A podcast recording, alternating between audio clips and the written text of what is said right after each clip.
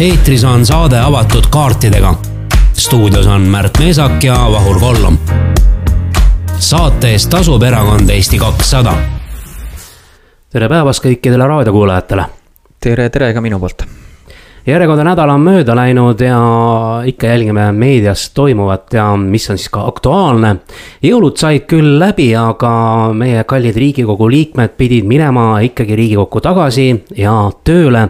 ja on väga huvitavad äh, Postimehe juhtkirjad ka olnud siin mitu päeva järjest no ühtepidi on ju hea meel, ma arvan, kõigil, et nad teenivad oma palga ausalt välja ja töötavad ka siis, kui tavainimene töötab, ehk siis kahe püha vahel, jõulude ja uue aasta vahel aga tõesti traditsiooniliselt ja, ja minu teada nagu Riigikogu kodukorra järgi nad ei peaks sel ajal töötama. ehk siis äh, minule väga just sümpatiseeris äh, Postimehe juhtkiri äh, kahekümne kaheksandast detsembrist, kus siis pealkiri oli, et Riigikogu jäi peale tunde. ja, ja ma arvan, et see võtab väga hästi kokku selle, et, et tõesti see viimane Riigikogu koosseis, eriti see viimane aasta on ikkagi olnud suhteliselt masendav ja selline lippadi-loppadi üle kivide ja kändude puhtalt selline oma poliitilise kapitali mingisugune enne valimisi. ja, ja, ja, ja kahekümne, kahekümne seitsmenda detsembri juhtpealkiri oli ka selline, et riigikogu professionaalsus on allpool arvestust ja eks ma olen siin saadetes päris tihti ka sellest rääkinud, et äh, jätab see tugevasti soovida ja nagu näha võeti vastu seadusi, mille kohta isegi president arvas, et seal oli õigusselgusega väga selgeid probleeme ja mis teha, Riigikogu pidi need asjad kõik uuesti ära menetlema. No ühesõnaga jah, võib-olla raadiokuulaja selgituseks ongi see, et, et miks siis nad peale tundi jäid, ongi see, et, et Riigikogu tegi kaks korralikku praaki, võib siis kokkuvõttes nii-öelda, üks oli see haiguspäevade hüvitamise kord, kus millegipärast ma ei tea, kas siis otseselt äh, ministri, äh, jälle meie lemmikministri, äh, kellest me varem rääkinud oleme, mingi apsakas, et ta ei jõudnud seda millegipärast valitsuse lauale panna õigeaegselt või siis oli see teine? teine seadus, mis oli siis perehüvitiste seadus, kus siis need, neid nii-öelda ebavõrdseid toetusi ikka ja jälle üritatakse jagama hakata. no mille president välja kuulutama ette, et siis tagasi saatis. jah, aga riigikogu jõudis selle ka uuesti vastu võtta, nii et äh, nüüd on pall jälle siis presidendi käes. no aga ma arvan, et väga oluline just on ikkagi see, et, et president äh, juhtis tähelepanu seal kahele asjale, et, et esiteks oli tõesti seal äh, tema meelest ja tema õigusnõunike meelest põhiseaduslik riive mm, -hmm. kus kolmanda lapse toetus oli äh, seotud siis niinimetatud äh, elukallidusega ja esimese-teise lapse oma mitte, mis tekitab jube, ebavärdse olukorra, pluss seal oli ka muid igasuguseid selliseid sisulisi vastuväiteid sellel seadusel ja see on noh, mõtlesin siin ka enne selle peale, et juba mainisid ka, et sihukene poliitiliste plusspunktide tagaajamine käib täie hooga. ja ka terve see aasta on see toimunud ja unustatakse ära sisuline kvaliteet. et noh, ma tean, olles ise töötanud äh, riigikogus nõunikuna, siis seal on olemas väga hea õigus- ja analüüsiosakond, kus on kõik uuringud ja kõikvõimalik inf-, kõikvõimalikku info saad sa kätte.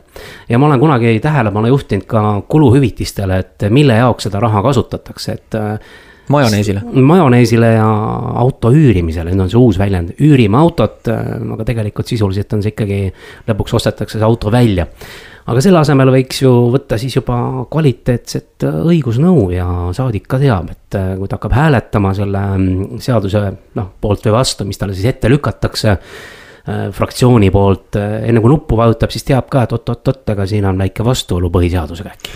ja Vahur, sa oled väga äh, toredalt alati, mulle meeldib sinuga diskuteerida, sa oled alati selline heast, heas usus ja, ja usud, et need inimesed kõik. idealiste nagu, peab ka maailmas olema. jaa, just, et me oleme kaks sellist toredat idealisti ja arvame siin, et nii on, aga sa ju oled seda lähedalt ka näinud ja mina olen ka näinud, et tegelikult see nii ei ole ja kui siin ka vahepeal on ju räägitud sellest, et riigikogu liikmetel võiks abiline olla või, või noh, nagu tuge olla, siis mul on alati kahepoolne selline arvamus, et minu jaoks võtab see riigikogu liikmelt veel vähem äh, nagu selles mõttes energiat ja vastutust võtab ära, sellepärast et keegi teeb tema eest töö ära, lihtsalt tema läheb, vajutab nuppu. et ta ei pea üldse mitte midagi enam tegema, et täna ta natukene ikkagi peaks nagu tegema, teistpidi jälle ma saan aru et olles neid äh, saadikuid, kes nagu päriselt tööd teevad, näinud, et nad äh, õhtul lõpetavadki kell üheksa iga õhtu on ju mingitel koosolekutel ja mingisuguste seltskondadega kohtumistelt. et see on väsitav ja keegi võiks siis sellise taustatöö nagu ära teha, et ta ongi nagu selline kahepoolne. aga praegu vaadates riigikogu liikmete mainet, mis on kujunenud, siis ma kujutan ette, et see oleks nagu ikkagi pigem sellise õlitulle valamine veel, et see ikkagi plahvataks, sellepärast et äh, veel palgata maksumaksja kulul selliseid niinimetatud muidusööjaid sinna juurde, on ju. no see, see lõpeb sellega, et äh, ma kunagi tegin artiklis ka ettepaneku, et suunata seesama kuluvõtiste raha pigem siis äh, saadik palkabki endale kasvõi õigusnõuniku. aga vot siin, siin ongi see, et see lõpeb sellega, et noh muudetakse või tehakse see asi või luuakse niimoodi, et mitte Riigikogu Kantselei ei määra sinna sihukest väga asjalikku juristi, vaid võetakse parteisõdur.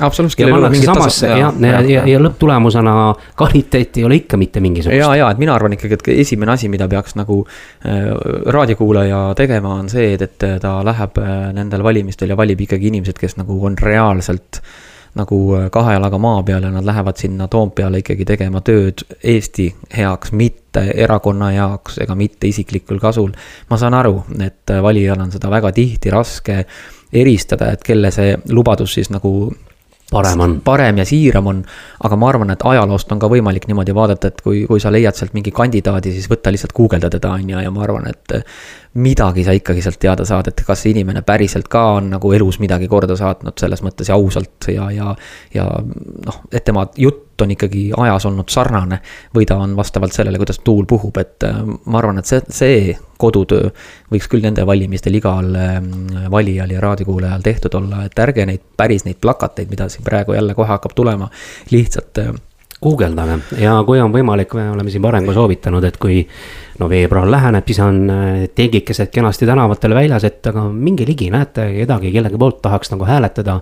minge küsige, mis tema vaated nagu tegelikult on ja kas ta kannab ka neid, sest ma tean ka, et väga palju on nimekirjas ka siukseid inimesi siin ja seal erakondades, kes pole isegi kunagi ühtegi arvamusartiklit kirjutanud või me ei teagi, mis no, tema maailmavaade on. jah, ja pole sõnagi võtnud. ja võib-olla kuskil sotsiaalmeedias on kõva kommentaator või arvaja, aga, aga kõik see on ka kõik nagu ja, ja et äh, ma arvan ka, et, et need valimised võiksid tulla äh, targad äh, valimised. ja, ja inimeste mm, usk ju selles mõttes paremasse tulevikku alati on hea, et see on ja inimesi see ju edasi viib. aga jälle mina ütlen, et ilma minevikuta ei tohiks nagu seda teha ja ma väga-väga loodan, et peale neid valimisi üle poole Riigikogu liikmetest ikkagi saadetakse tootvale tööle, et, et sest noh, see, see, mida nad praegu on tootnud ja just seesama see, sama, see koju see Postimehe juhtkirja teema on ju, et, et jäänud peale tunde, et, et see ikkagi näitab seda, et hinne on ikkagi kaks, on ju, ja koolis oli see, et, et kas visati sind välja. või sa jäid klassi kordama, nüüd nad kordasid selle sellel aastal ära ja ma loodan, et nad visatakse välja. Märt, sa oled paratamatu optimist. Eh, seda on ka, seda on ka mul, mul muideks järjekordselt hea kuulda, peabki optimist olema, aga niisugune väike realismi pügala on ka sees, et äh, väga paljud need äh, muidu tegijad äh, on kindlasti ka jälle platsis. lihtsalt oluline on minna valima ja seekord valida võib-olla mõni teine erakond ja mõni teine inimene, et tekitada see olukord ka nendele, kes seal täna on, oluliselt keerulisemaks. kuule, aga räägime korra veel nendest kahest äh, praagist, mis siis nagu tehti, sisu mm, -hmm. sisu poole pealt võib-olla ka veel, et raadiokuulajale huvi pakkuda, et äh, siin on hästi pikalt räägitud sellest perehüvitise seadusest, mis siis president tagasi lükkas ja kus siis kolmanda lapse toetus oli seal kolossaalselt äh, kordades kõrgem kui esimese, teise lapse toetus ja, ja mul on siin ka väikene statistiline tabel, et, et äh, näiteks pärast kolmesaja eurost perehüvitise maksma hakkamist alates kahe tuhande seitsmeteistkümnendast aasta juulist äh, on veidi kasvanud kolmanda ja järgmiste laste sünnid. aga Vahur, mis sa arvad, mis on juhtunud esimese, teise laste sündidega? kui sa ütlesid, et üks osa nagu kasvas, siis teine osa ilmselt mitte absoluutselt, ehk siis tegelikult äh, esimese, teise lapse sünnid on hoopis vähenenud. no see tähendabki väga selgelt seda, et toet-, toetada eelkõige juba esimese lapse sündi. no absoluutselt, et kui me mõtleme, et kus see laps nagu sünnib või kuhu perre see laps sünnib, siis. kui kolmas laps sünnib tõenäoliselt ikkagi juba sellesesse perre, kus vanemad on võib-olla juba kolmkümmend ja pluss näiteks -hmm, on ju. Mhm. siis esimene laps sünnib ikkagi umbes sinna kahekümne aasta vanusesse perre, kellel mm -hmm. ei mhm. ole mitte midagi. ja nad peavad nullist alustama ja kindlasti on neil seda stardiraha rohkem vaja kui sellele kolmandale kolmanda lapse inim-, perre sündival lapsel, sest tavaliselt ikkagi kolmandat last juba perre ikkagi ei planeerita, kui sul pole piisavalt äh, eluruumi, et sul pole mingisugust mm -hmm. tagalat, et sul pole head töökohta ja kõike muud, et sa ikkagi noh, vaatad seda nagu tervikpilti, esimene laps ikkagi tuleb pigem nagu armastusest ja sellisest äh, emotsioonist. no ja, ei tea, eks need kolmandad no, tulevad ka suurest armastusest. ei, ei, nad tulevad armastusest, aga ütleme, esimene ikkagi selline ju pesamuna on ju, et, et see on ikkagi, siis sa oled otsustanud, et sa lood pere selle teise inimesega. ja, ja, ja see on hoopis teistsugune, emotsionaalselt kindlasti teine mitte et ma ei taha väita, et kolmas laps ei ole armastusest tulnud aga, aga lihtsalt see kulu ja kõik see risk on hulga no, suurem. see elluastumine ei ole üldse ju tegelikult keeruline, et kaks noort saavad kokku, üritavad ühiselu luua, ühise elamispinna hankida, rendihind on ka kallis ja nii edasi. aga teine seadus oli veel, mis vastu võeti, on, ma loen selle ette ka, las raadiokuulaja ka kuulab, millised on mõne eelnõu nagu nimed töötervishoiu ja tööohutuse seaduse muutmise ning sellega seonduvalt teiste seaduste muutmise seadus võeti vastu maakeeli. et äh, muudeti haigushüvitiste maksmise korda. sulle, Vahur, ikka alati meeldib raadiokuulajaid traumeerida nende õudsate pikkade ja lohisevate mõnus pealkiri on ju. seadusandja poolt antud äh, nimedega niimoodi, et isegi nagu ise kõrvalt kuulad, siis vahepeal poole selle lause peal juba. tuleb uni peale on ju, aga see ongi see, et raadiokuulaja peab ka aru saama, mismoodi need asjad seal nagu ka saadikutele välja näevad. ja, ja, ja selle sisu ju tegelikult on see, et, et kui varasemalt koroonaeelselt äh, valitsus võttis vastu otsuse, et, et kehtestatakse ajutiselt äh, koroonapandeemia mahamurdmiseks siis see uus regulatsioon, et, et mhm. juba teisest päevast saab siis inimene haigushüvitist, kui ta haigena koju jääb, ehk siis esimene päev oli töötaja vastutada, teine kuni viies on tööandja vastutada ja siis hakkab riik maksma, varasemalt oli see niimoodi, et esimesed kolm päeva olid siis töötaja enda vastutada ja neljas kuni üheksas, kui ma ei eksi, olid äh, tööandja poolt ja siis tuli riik äh, ja maksis. aga see on hästi kaval seadusandja poolt, miks nad seda teevad, esiteks äh, mul on, mul on väga häirivalt halb seda jälle kuulda, kuidas ajutised asjad kipuvad minema meil jälle alalisteks, on ju, mhm. et, et seda ju pikendati. no just, et seda esiteks pikendati nüüd juba järgmist korda, kuna riigil on seda raha seal haigekassas vähe, üritatakse kõik sealt endalt kaelast ära saada, loomulikult kelle õlgadele, ettevõtjate õlgadele aga, aga teine ongi täpselt see, et, et ähm, ma usun, et kõik raadiokuulajad ka väga hästi mäletavad, kuidas äh, kahe tuhande kaheksanda aasta kriisis öeldi, et, et kehtestame ajutiselt käibemaksu kahekümnele protsendile, et ärge muretsege, et, et äh, see hiljem läheb tagasi, no täna on, mis aasta on ju, kaks tuhat kakskümmend kaks. midagi ei ole tagasi läinud. ja midagi ei ole tagasi läinud ja mulle tundub, et see on sama jälle, et mingil hetkel sellest ajutisest saab alaline aga... ja, ja see ei tekita riiki usaldust, see ei tekita seadusandjale. ei teki, aga mõtleme nüüd natukene mm, töötaja peale ka, toome näite, et tuleb mingi haigusepoiss kallale ja siis ma mõtlen, et äh, kas ma tahan üldse mingisugust haiguslehte võtta või haigushüvitist saada, sest äh, noh, kui see varasem kord oli selline, et kolm päeva oli see sinu enda raha eest, on ju, et sa ei saagi midagi. et noh, seal on see koht, et kas inimene peaks minema haigena tööle või mitte, sest kui on näha, et sul sissetulek täitsa kaob, noh siis, siis hakatakse mõtlema, et kas mitte minna, kas üldse noh. tagurpidi see mõte peaks olema, et inimene raviks väljas, mõnikord ongi vaja sul maksimum kolme päeva ja, ja siis sa neljandal päeval oled täitsa võimeline juba toimetama, aga kui on sellised reeglid, mis seda ei võimalda, siis, siis sa mõtled, et oot-oot, mu sissetulek kukub nüüd vot nii ja nii palju ja siis sa lähedki tööle ja võib, võib-olla jääb rohkem haigemaks ja, ja sinu töökaaslased ka nakatuvad näiteks. üks on, ma saan sellest eh, töötaja poolt vaadatuna väga hästi selles mõttes aru, et, et tegelikult haigena ei peakski tööd tegema mm, -hmm. küsimus on nüüd ju selles.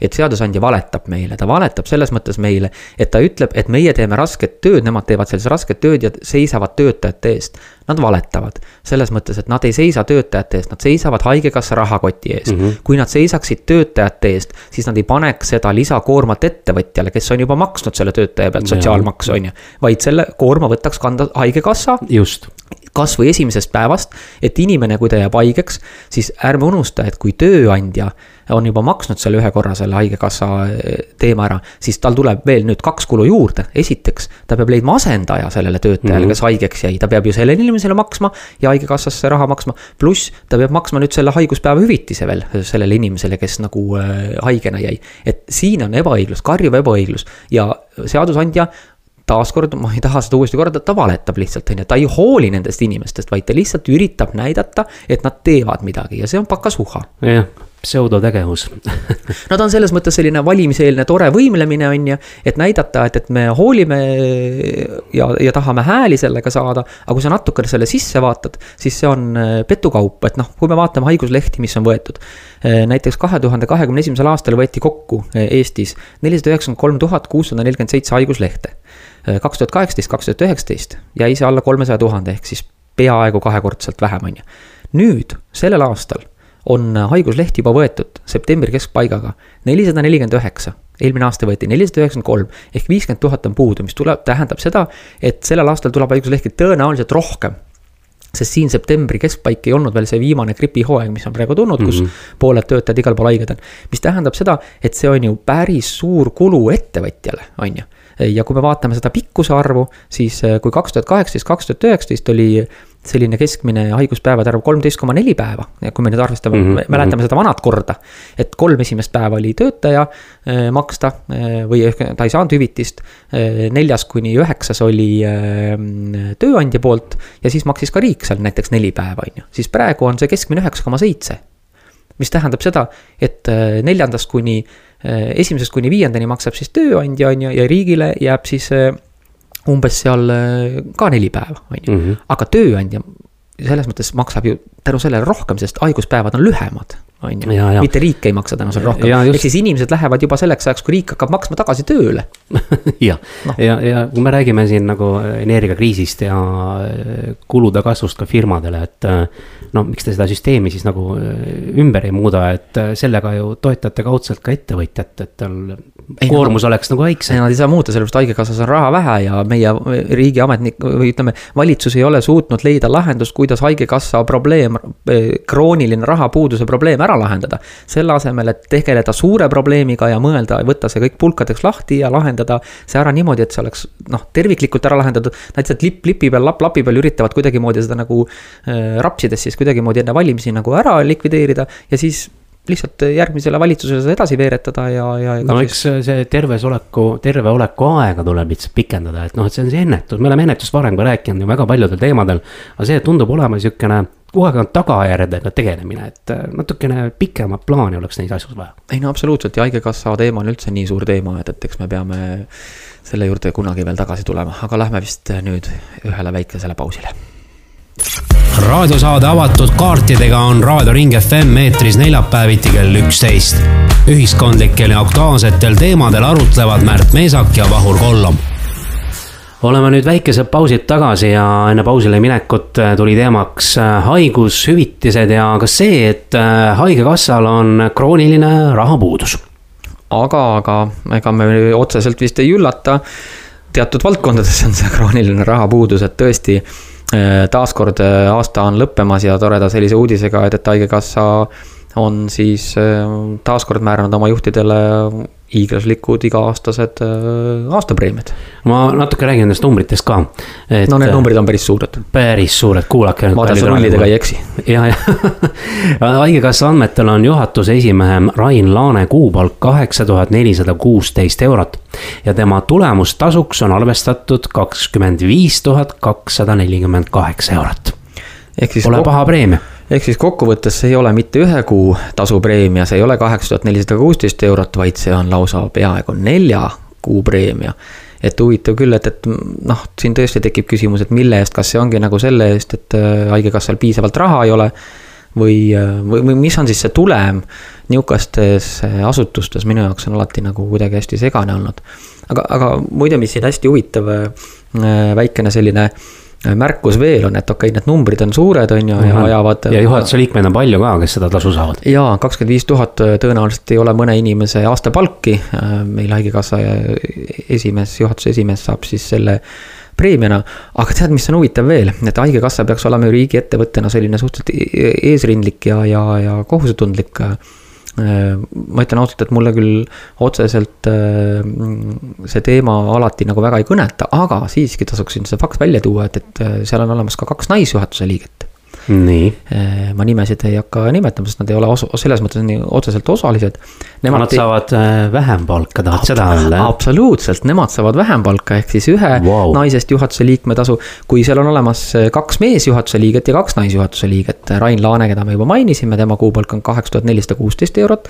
siis on teine meesjuhatuse liige, kelle kuutasu on kaheksa tuhat ükssada eurot, aga siis on kaks naisjuhatuse liiget, kelle palk on ühel siis kuus tuhat nelisada seitsekümmend neli mõlemal mis teeb siis äh, mõlema tulemustasuks üheksateist tuhat nelisada kakskümmend kaks eurot. aga see on kaks tuhat eurot väiksem kui meeste palk, et kus ja, on see. palgavõrdsus on ju. palgavõrdsus ehk ettevõtjatele me kirjutame ette ja ütleme, et, et kuulge, et, et miks teil ei ole äh, tagatud see, aga riigi üks suuremaid äh, rahajagajaid ise seda ei taga, et, et kus ja, on see silmakirjalikkuse. võiks näidata ju eeskuju ja, ja, ja muideks selle Haigekassa preemiatest veel äh, hästi kiiresti äh, lipsates, siis tegelikult on see neil pikaajaline traditsioon, et see ei ole mingi esimene aasta ja see ei ole ka nagu teine aasta, vaid kuidagi mulle tundub, et see ongi selline Äh, kui inimesed võetakse tööle, siis ma tean, et väga paljudes sellistes riigiasutustes ongi kuidagi selline vaikiv kokkulepe, et kõigepealt lepitakse palganumber kokku ja siis sinna tulevad niisugused vaikivad kokkulepped veel juurde mm. -hmm. et äh, noh, a la tõenäoliselt siin ongi siis see, et ära muretse, et sa saad lisaks veel nelja kuu tasu, tasu, tasu, siis on sul veel sõiduauto kompensatsioon, siis on sul telefoni kompensatsioon, siis me teame, et, et Europarlamendi liikmetel siin vahepeal oli koduigatsustasu, on ju. et hästi, hästi tore on selliseid maksumaksja kulul rahasid rõõmsalt nagu jagada ja siis hiljem, kui tuleb mingisugune pilt kuskilt, kus kellelgi lapsel on mingisugune raviraha äh, puudu, siis selleks. siis ei ole raha kuskilt võtta. siis selleks tehakse äh, jõulutunnel ja kogutakse see kakssada tuhat, selle asemel, et panna need summad praegu kokku ja see raha oleks juba haigekassal olemas olnud. on ju. riik oleks juba ravi kätte saanud. absoluutselt, on ju, et, et siin on küll ikkagi väga kõvasti remonti vaja teha nihukestes asutustes, kus nagu Äh, see lappab ja noh, siin muidugi minister loomulikult kõike seda kaitseb, ta ütleb, et konkureerime erasektoriga. no ma ei tea küll, ma ütlen ausalt, ma olen ka erasektori ettevõtja, ma ei tea küll kuskil kellelgi makstakse nelja kuu palga suurust äh, tulemustasu no,. sõltub firmast ja võib-olla mõnes IT-ettevõttes on need numbrid veelgi suuremad. jaa, aga küsimus ongi selles, et kuidas seda mõõta, ma saan aru, et mm, era, erasektoris sa mõõdad seda, et ettevõttel on kasum või arendati ja. mingisugune tehnoloogia välja, mis siis hakkab ettevõttele tulu tooma. on midagi, mida mõõta saab ja on tulemus olemas, mille põhjal siis ka makstakse lisatasusid või preemiaid. jah, just, just on ju, et, et äh, noh, see ja vähiravifond siin käib ja käsi pikal ja küsib annetusi ja ma tean, et, et kindlasti väga paljud raadiokuulajad jõulude ajal ongi sinna annetanud ja väga aitäh, et te seda teinud olete. aga Just. see tekitab ju õiglustundes väga sellise sügava augu, et, et kuidas see võimalik on, et mina pean oma vähest raha siis sinna vähiravifondi annetama. Läheme selle fantaasiaga nüüd veel korra edasi, et ähm, võib-olla said need haigekassa juhid seetõttu kõvasti preemiat, et suutsid kuskilt kõvasti midagi kärpida no jaa, aga. kõlab irooniliselt, on ju? no kõlab irooniliselt, sellepärast et kuidas sa saad premeerida, kui haigekassa ongi selleks, et inimeste ravi oleks tagatud, on ju, ja kui neil on krooniline rahapuudus, siis ma saan aru, et võib-olla nad saidki kuskilt kärpida, aga siis väga mõttetu on seda ju kohe neile preemiaks ära jagada, see vähene raha, mida nad kokku kärpisid, et. et eh, noh, jah, see on, see on ja see on ju tegelikult, vaata, Vahur, me oleme ka varem siin rääkinud, et kui me hakkame nagu aasta teemasid siin kokku nüüd juba tõmbama, et varsti hakkab ka saade ju ähm, selleks aastaks läbi saama, et, et ega need preemiad ja need riigiteenistujate palgad on olnud ka varem meil teemaks ja, ja no, no. need on ju tõusnud siin kogu aeg. ei no alustame kõrgematest riigiteenijatest, kellel on äh, iga aasta nüüd viimati, viimased aastad järjest olnud esimesel aprill mitte naljapäev, vaid sihukene palgatõusupäev, kus siis kõik äh, palgad kenasti on tõusnud. ja see on sihuke nagu tavaks saanud. aga et... paralleelselt tehakse, siis öeldakse, et vaadake, pensionid ka tõusid, et me oleme nii tublid, me indekseerisime, teil kolmkümmend eurot pension tõusis.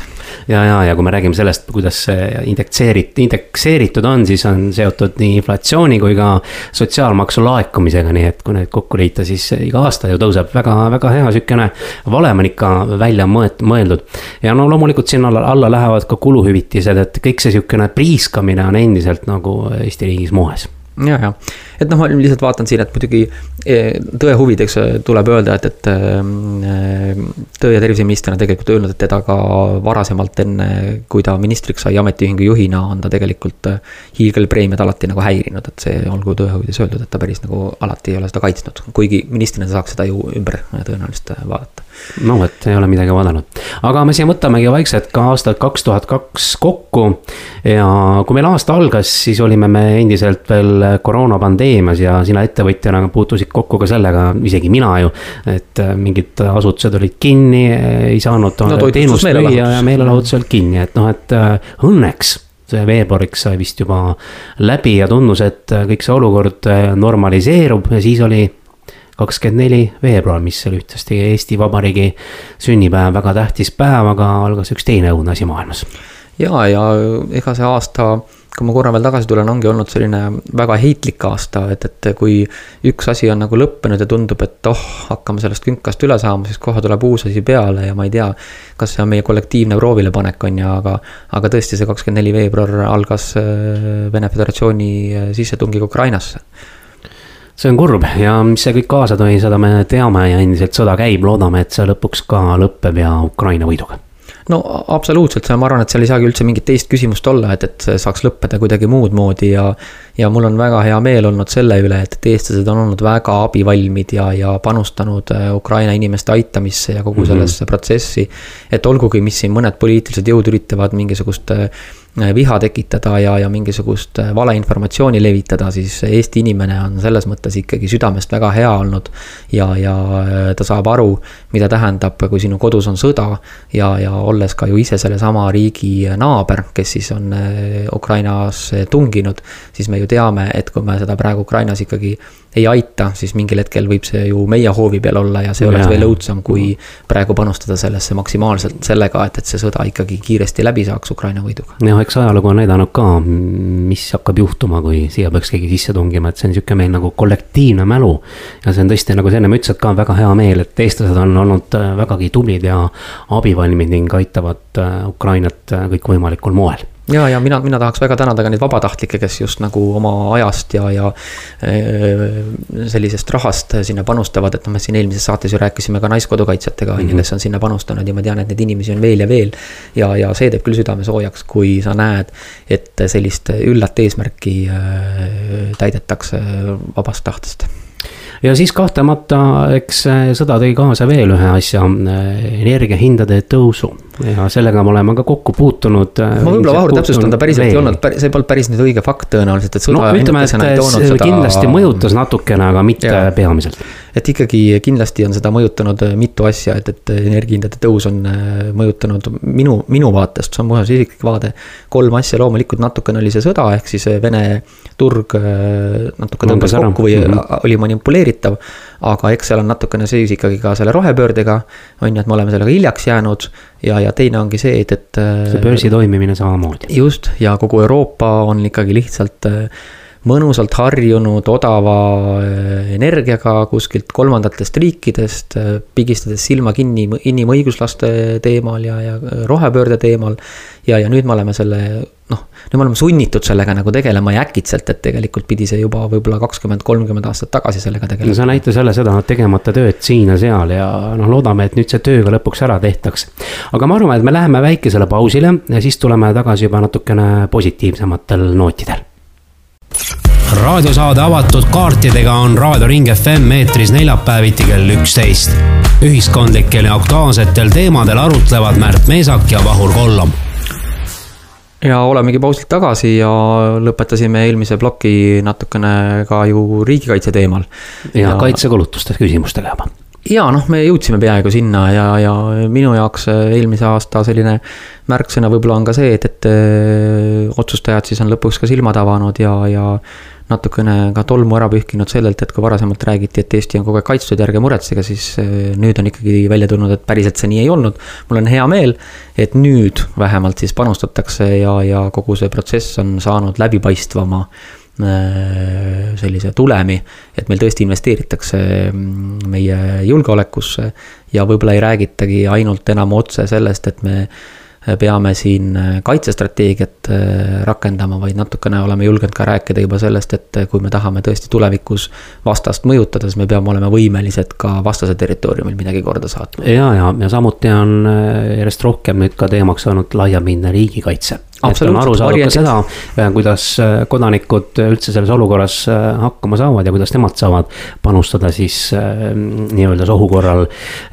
aidata oma riiki. no kui ma nüüd aus olen, siis mulle tundub, et ega päriselt vist ikkagi sellega nagu tõsiselt ei tegeleta, et see on selline kuidagi nagu ära markeeritud küll, aga ma ei ole küll nagu näiteks noh mina ei ole, ma oleks oodanud, et sellises Rohkem. olukorras riik saadab igale kodanikule näiteks postkasti mingisuguse äh, brošüüri, kus ta räägib, et seal on kogunemiskoht, sa saad seda teha, teist-kolmandat, helista sinna ja tee toist, et me ei saa jälle loota, et inimesed on internetis. seal pidi olema see lugu, et väga paljuski toimub hetkel erinevates Eesti otsades siis ametite poolt kaardistamine kuhugi, kuhu peaks minema. alles nüüd toimub see, kujutad sa ette? vot seda, sinna ma tahangi jõuda, et alles nüüd toimub see, see tähendab seda, et ikkagi me ei olnud selleks valmis. ja kõik need lennukid, mis siin mõne valimiskampaania eel mõnel erakonnal nagu peaministri kohal lendasid. see oli puhas selline papist lennuk, mis seal lendas, on ju, et see ei olnud reaalne lennuk. ja, ja praegu üritatakse sama asja teha, et, et üritatakse meile tõestada, et, et. et nemad seda tagavad, et noh, sõbrakesed, et pikka aega oli seda juba vaja tagada ja mul on hea meel, et, et nüüd sellega tegeletakse, aga energiat peaks veel rohkem, rohkem sellele minema. ja, ja, ja samuti see ka, et Kaitseliidu ridade arv on oluliselt kasvanud, et äh, inimesed ikka on ise ka haaranud initsiatiivi, et kõike pole päris pidanud ka riik nagu ette ära tegema no jaa, aga see muidugi paneb jälle, nii nagu me ka eelmises saates kuulsime, vabatahtlikele suurema koorma, mis mm -hmm. tähendab seda, et, et kui liikmeskond kasvab, siis kui eelarve on sul sama ja vabatahtlike arv on sul sama, siis nemad, nende kasv on noh, selles mõttes panus on ju suurem. pluss ka raha ei jätku selleks, on ju, et, et ma ei ole küll kuulnud seda, et, et kuskil oleks tulnud uudis, et kuna Kaitseliitu äh, on liikmete arv kasvanud, et siis on Kaitseliidu rahastamist suurendatud, ma ei ole kuulnud, võib-olla raadiokuulaja teab, saatke mulle palun meil ja öelge ja näidake mulle seda, et, et ma arvan, et seda ei ole jah, mart.meesak, et eesti kakssada punkt ee, et. Äh, väga huviga ootaks. Märt ootab kirju. jaa, väga huviga ootaks, kui see nagunii on, aga ma lihtsalt tõenäoliselt kardan, et see ei ole niimoodi, et, et äh, see on jälle selline üks väike pusletükk. mis on sellises suures äh, poliitkampaania rabelemises nagu välja jäänud, on ju, et, et kõik küll räägivad, et me teeme aga sellised pisikesed osakesed jäävad nagu ikkagi nagu tegemata. aga vähemalt on mingisugune hoog sisse lükatud ja tundub, et ka noh, on need erakonnad seal Riigikogus nagu on, aga mingis osas tundub olema ka siiski ühisosa olemas no mina küll Vahur seda ühisosa neil ei näe. no ma olen, ma olen see jälle see paratamatu, tuli optimist on ju, aga noh. minu meelest on nad küll nagu Kört-Pört ja Mört, et äh, mitte kuidagi lihtsalt mängivad seda. no ära solva neid äh, kalasid ja äh, linde, nad on toredad loomad, on ju, et, et, et et mulle küll tundub, et seal küll mingisugust sellist nagu ühise asja ajamist, ma, ma ei näe no, seda. no vähemalt on see, et kahtlemata on Riigikogu valimistel üheks teemaks julgeolek, et need debatid tõenäoliselt tulevad päris sellised äh, jõulised ja ma loodan ka sisukad ei no see on, see on tõsine teema, aga me ei saa seda ära unustada, et see on elementaarne, iseseisva Just. riigi, riigikaitse on number üks, mis peab nagunii olema tehtud. et kui praegu keegi tuleb sealt valimiskampaanias välja, ütleb, et, et tänu neile on see olemas, siis nad ajavad kägu. see ei ole tänu neile, vaid see on tänu Eesti rahvale, et meil on oma riik, meil on mm -hmm. oma mhm. rahvas ja me kõik tahame, et see säiliks, see ei ole ühe partei teene. ei ole, ei ole. ja, ja ma loodan, et see ei saa ka olema ühe partei teene, sest no, muidu me oleme kommunistlikus äh, riigis, on ju, uuesti. no mõned võib-olla unistavad kuskil, aga loodame, et see nende unistuseks jääb jääbki. aga lähme nüüd natuke positiivsematel nootidel edasi, et äh, see aasta tänu sellele sõjale tõi kaasa ka nii mõnegi asja ülevaatamise, et küll me oleme näinud neid äh, koledaid punamonumente siin ja seal. ja lõpuks nüüd siis äh, võeti kätte ja saadi aru, et nii mõnigi mm, punamonument tuleb ära teisaldada kes seal siis nagu hukkunud on ümber matta kalmistule korrektselt. et lõpuks ometi võeti see teema üles nojah, see on jälle selline pikalt on ju, kui me mäletame seda pronkssõduri äh, teemat, mis äh, kulmineeris ju äh, Tallinna linna rüüstamisega mm. -hmm. siis ega see oli ka ju pikalt tegemata töö, et, et väga paljud asjad üheksakümnendate alguses jäid tegemata, ehk siis kuna see vabaduse saamine oli tore asi, kõik panustasid majandusse, arengusse, kõike muud, siis mingisugused sellised väärtuslikud asjad, väärtuse teemad jäid natukene nagu võib-olla teisejärguliseks, et tundus, et nagunii me kõik jagame seda juba, et meil ei ole sellega muret. aga tegelikult ei jaganud, on ju, et me jätsime mingi osa ühiskonnast jätsime kaasamata. ma räägin siis vene keelt kõnelevaid inimesi, on ju, ja, ja see kulmineerus, kulmineerus, lõpuks ta kulmineerus siis selle pronksi ööga. ja ega siis need punumonumendid ja see Narva tank on natukene sarnane, on ju, et, et ma isiklikult äh, ei arva, et need inimesed sellest tankist nüüd nii väga üldse hoolisidki. vaid pigem nad hoolisid sellest, et nendega polnud varem räägitud kunagi, on ju, ja nüüd äkitselt tuldi jõuga seda ära võtma. et äh, see no, oli lihtsalt. eks ta ole mingi sümbol kellegi jaoks ja kuskil mõni äh, luureagentuur tegi ka tööd selle nimel, et tekitada teatud inimeste peas seda, seda vaadet Abs. absoluutselt, oligi pigem selline propaganda objekt, mitte mm -hmm. reaalne mälestusobjekt, on ju, ja noh, tank on ikkagi väga selge sõjainstrument ja see ei saa olla kuidagi rahu poolt olev monument, on ju, mida seal üritati väita. on ju, ja ega siis need punased viisnurgad siin ja seal, kui ta on arhitektuuriliselt viisnurk, siis ma ei saa selle vastu küll olla, sellepärast et noh, ma räägin veel kord, lammutame Hruštšovkat kõik maha, sest nad meenutavad no, minu jaoks nõukaaega. seal peab olema ikka äärmiselt mõistlik, et vaadata otsa ka, millega tegemist on, et. jah, aga, aga kui kuskil linna keskväljakul on mingisugune kiva, on ju, millele on punane monument ja sinna on peale kirjutatud, et õig-, õiglase ja õisla riigi eest, on ju, siin on langenud Ivan, Igor ja, ja Peeter, siis võib-olla see ei ole päris see õige koht Eesti avalikus ruumis, on ju, sest nad ei, ju ei langenud Eesti Vabariigi tihtilugu ei olegi seal äh, mälestusmärgi all midagi, et noh, et. no see on jälle propaganda, jah, jah. aga noh, selles mõttes on sul õigus, et tõesti see silmi avav, noh, me jõuame ju tagasi sinna kahekümne neljandasse veebruarisse. et äh, see Ukraina, see sõda avas nii mitmelgi teemal äh, Eesti ühiskonnas. ja mitte silmi. ainult Eestis, vaid ka teistes riikides, Lätis, Leedus, Poolas, et. no kogu Euroopast. kogu Euroopast saadi aru lõpuks, millega tegemist on aga teine asi veel, mis tänu sellele, noh, võib-olla see hoogu jälle juurde, on kogu aeg räägitud sellest eestikeelsele õppele üleminekust. küll on see veninud, see protsess nii ja naapidi ja ei ole kuidagi seda tehtud saadud, nüüd siis lõpuks jõudi, jõuti selleni välja, et me läheme üle. vot ei ole täpselt nüüd kindel, et kas see üleminek ja kas see nagu hästi õnnestub ka, aga vähemalt mingi põhimõtteline otsus on siiski ära tehtud nojah, see on, ma ütlen ausalt, minu jaoks on sellised kahetsed tunded, et mina, mina arvan, et see tähtaeg ei lahenda küll mitte midagi, et, et äh, olles ka ju äh, ettevõtja Narvas on ju, ja ma olen ju seal ka noori inimesi palganud ja nendega nagu suhelnud sel teemal, siis ma ütlen sulle ausalt, Vahur.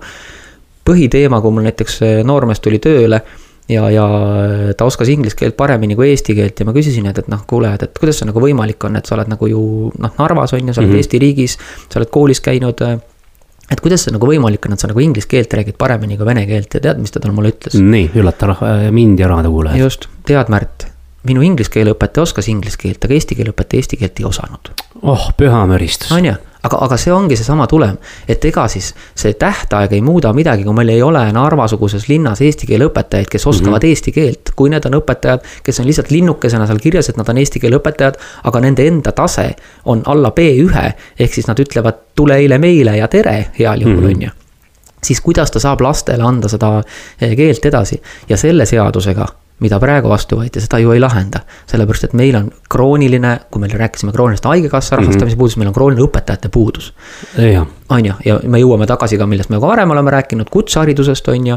et me, me, me ei ole panustanud sellesse ja see, see teema kõik on täna selles, selles ühes potis ja me oleme olukorras, kus see tähtaeg võib küll olla, aga see vaene õpilane ei võida sellest mitte midagi. no see näitab jälle, läheme ajas tagasi jälle, pika perioodi vältel pole tehtud sisulist tööd. no pikka plaani ei ole olnud. mitte mingit pikka plaani pole olnud, kuidas see sisuliselt täide ka viia, vaid vastupidi, on lastud kuidagi sellel iseeneslikult nagu laheneda, aga nagu näha, ei ole mitte midagi lahenenud. ja, ja, ja ma arvan, et need eesti keele kursused ka, et, et kui, kui ma, kui ma, kui ma ei eksi, siis neid tehakse Narvas väga intensiivselt ja väga hästi. küsimus on nüüd selles, et kas nende inimeste motivatsioon nendel koolitustel käia nagu kas ta on olemas ja teine on see, et, et kas ta on tasuta. No mm -hmm. osad koolitused minu teada ei ole tasuta, aga miks peaks olema Eesti riigis eesti keele kursus tasuline, ma ei saa sellest loogikast aru, kas Eesti riik on siis nii vaene, et kui tuleb mingisugune mitte eesti keelt kõnelev inimene, ütleb, ma tahaks eesti keelt õppida. just, ma tahan tööle siin minna, mul oleks vaja eesti keelt osata. mis iganes, ma olen abikaasa, ma olen abiellunud ja. eestlasega ja nii edasi, et mm -hmm. ma mhm. tahaks seda õppida, siis riik ütleb, jaa, õpi, aga oma raha eest. Come on, kuhu me nagu jõudnud oleme, siis me nüüd paneme mingeid tähtaegu siia kuhugile mingisugustel teemadel ja nõuame siis, et lapsed hakkaksid äh, paugu pealt äkitselt eesti keelt oskama, nad ei oska. et ega tõenäoliselt ikkagi lapse saab äh, teise keelekeskkonna äh, sisse kasvatada juba väga madalast alates mm -hmm. lasteaiast on ju, siis Just. ta on vastuvõtlik mitmele keelele ja ta kasvab selle keelega välja praegu. ja osates mõlemat keelt seejuures. absoluutselt, et me oleme mitu põlvkonda lihtsalt maha maganud tegemata töö tõttu ja nüüd öelda, et nüüd me tegime jälle ära. no see on lihtsalt selline jälle selline tulekahju kustutamine, aga mitte nagu pika plaani vedamine no,. jõuti vähemalt kuhugi punkti välja. kuule, sa ütlesid, et meil on üllamad teemad ees, et ma ei näe no, küll, et need viimased nagu väga üllavad teemad. huvitav, et me suutsime sellega minna, ei no ma üritasin nagu kokku võtta neid asju ka, mis on nagu ka nagu mingi märgilise tähendusega, et jää hakkab nagu liikuma. ei, seda muidugi. et noh, see eestikeelsele õppele üleminek ka ju, see on nagu märk omaette, et nüüd lõpuks ometi siis ka mingi sisuline otsus tuli. vaatame, kuidas see nagu realiseerub, punamonumentide. kuidas öeldakse, et parem on kui plaan, kui plaani ei ole, siis läheb, kui on plaan, siis läheb plaan põhhi, kui plaani ei ole, siis läheb kõik. jah, no natukene positiivsem ikka, kui see mm, eelmine plokk, ma arvan, oli see küll. Läheme väiksele pausile raadiosaade avatud kaartidega on Raadio Ring FM eetris neljapäeviti kell üksteist. ühiskondlikel ja aktuaalsetel teemadel arutlevad Märt Meesak ja Vahur Kollom. saate eest tasub erakond Eesti kakssada olemegi väikese pausilt tagasi ja selle aasta viimane lõigukene saatest avatud kaartidega on nüüd ka käima lükatud ja eks aasta hakkabki juba läbi saama ja Märt, ütle, et mis on võib-olla sinu jaoks olnud selline äh, asi, mis on aastas kaks tuhat kakskümmend kaks äh, kuidagi äh, positiivselt ja hästi meelde jäänud võib-olla võtaks selle kokku, nagu ma korra juba mainisin, et tegelikult ma olen väga positiivselt üllatunud sel teemal, et Eesti inimene on võimeline empaatiliselt toetama raskustesse ja kriisi sattunud äh, teisi inimesi, et, et kui vahepeal siin enne seda Ukraina sõda võib-olla vahepeal tundus, et ühe erakonna selline domineerimine ja selline näpuga näitamine, kividega surnuks pildumise selline ühiskond kasvab, kasvab, kasvab, siis mulle, mul on selles mõttes positiivne näha, et, et meis ikkagi on seda talupoja, talupojamõistust mm -hmm. ja sellist nagu äh, hoolivust. no loodame, loodame, et äh, inimesed, kes lähevad pärast ka valimiskasti juurde, äh, on, on ikka meeles ka, et võib-olla on see, see koht, kus teha teisi valikuid noh, üks ongi valimised, aga teine on ka just see, et, et inimesed südamest nagu tegelikult ja. Äh, teevadki neid lapitekke ja, ja koovad mm -hmm. Ukraina sõduritele sokke ja nii edasi, et, et see küll mind liigutas ja ma. vot selline Eesti ühiskond mulle nagu väga meeldib, kus me nagu oleme tolerantsed ja me hoolime lähedastest, et tihti eestlastele heidetakse ette, et me oleme kinnised ja. ja võib-olla nagu kurjad, eks me natukene oleme ka, sest ega noh, vaatame välja, on ju, meil see kliima on selline nagu on, et no mida sa naerad, et kui päikest ei ole, on ju, et detsembris võib-olla kolm päeva on. No samas jälle pimedad talveõhtud äh, on ka toredad, kui. no peaks iibel hästi mõjuma, on ju, aga nad ei mõju, esimese ja teise lapse sünnid vähenevad ja kolmandad kasvavad, kuna tuleb raha, raha teemal. et, et see, see mind üllatas ja see äh, kokkuvõttes võib nii olla, aga, aga sinul, Vahur? Äh, ma nõustun sinuga, kui nüüd võtta kokku, et eestlane on tõesti empaatiavõimeline ja seda vist paljud teised ka rõhutanud täpselt samamoodi, et see on isegi mõnevõrra olnud üllatav ja ja loodame, et seesama selline empaatiavõime kuidagi kandub edasi ka järgmistesse aastatesse, et kuidagi see ühiskonna arengus toimub ka mingisugune ähm, sisuline ja kvalit-, kvaliteetne muutus. ma arvan jah, et ma loodan ka, et, et see niinimetatud moraalne kompass ikkagi püsib äh, pikalt nagu äh, õigel teel ja, ja praegu. Äh, ma ei taha küll öelda, et see Ukraina sõda nagu selles mõttes nüüd nagu seda päästis, vaid see on ikkagi päris tragöödia, mis on nagu toimub. aga see ikkagi natukene ikkagi raputas küll meie ühiskonda uuesti sellisele mõistlikule, kainele meelele, et, et päris selline rapsiv ja räuskav ja, ja lärmav ja solvav ühiskond ei vii meid kuidagi edasi, sest me peame kõik koos siin ikkagi ühiselt hakkama saama. ja noh, ma tean, tean, et, et kõige suurem vaenlane alati on olnud ju naabrimees, on ju, sest äh, nagu.... ja nüüd on naabrimehed koos võib-olla Kaitseliidus ja. ja just, just ja. harjutavad laskmist ja kaevavad kraave ja viivad, on õppusel teineteisele toeks. täpselt, et minu üleskutse on pigem jah selline, et ärme lase sellel kompassil küll nagu uuesti kreeni minna ja hoiame seda nagu seda positiivset nooti ja, ja.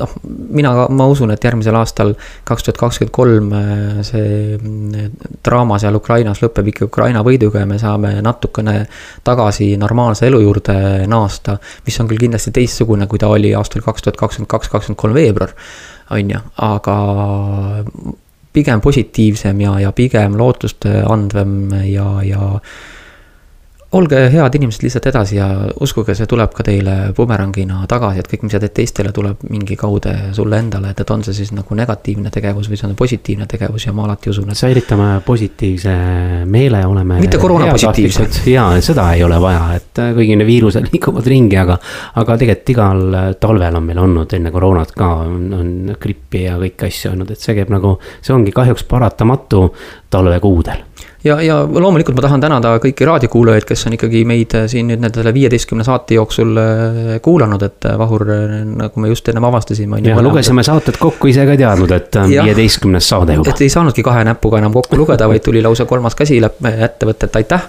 kõigile raadiokuulajatele, et te olete meiega koos olnud, ma tean, et, et neid ikkagi on, tagasiside on ju minule küll tulnud ja kindlasti ma tean, et ka sinul on tulnud. positiivsena jutt, jah. just, et, et meid kuulatakse ja, ja ega siis saabki soovida seda, et järgmisel järgmisel aastal veel rohkem kuulatakse ja mõelge julgelt kaasa ja kui teil on mingisuguseid teemasid, me oleme ju ka tegelikult nii mõnegi raadio. kordame uuesti üle need e-posti aadressid ka, et kirjutage ja. meile, et äh, mart.meesak.eesti200.ee ja vahur.kollam, et eesti200.ee ja meil on Facebooki leht ka, hakake jälgima avatud kaartidega ja loomulikult on need saated kõik järelkuulatavad Ring FM-i koduleheküljel just, ja positiivset meelt ja, ja head vana aasta lõppu teile kõigile. head vana aasta lõppu. Eetris on saade avatud kaartidega. stuudios on Märt Meesak ja Vahur Kollom. saate eest tasub erakond Eesti kakssada